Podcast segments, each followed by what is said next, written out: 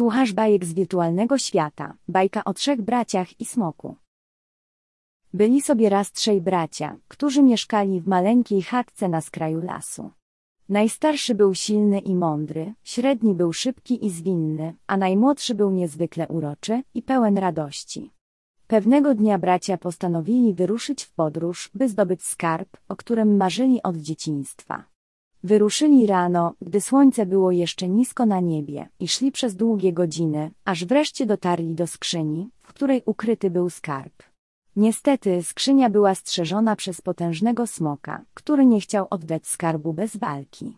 Najstarszy brat postanowił zmierzyć się z potworem, ale okazało się, że jego siła nie jest wystarczająca. Średni brat spróbował swoich sił, ale i on nie był w stanie pokonać smoka. Wtedy najmłodszy brat, pełen radości i uśmiechu, podszedł do smoka i zaczął się z nim bawić. Smok był zaskoczony i zaczął się śmiać, a kiedy zobaczył, że najmłodszy brat jest tak pełen radości i uśmiechu, postanowił oddać mu skarb. Bracia byli szczęśliwi i wdzięczni najmłodszemu bratu za jego radość i uśmiech, które okazały się silniejsze niż każda inna broń. Wrócili do domu z wielkim skarbem i cieszyli się nim przez całe życie.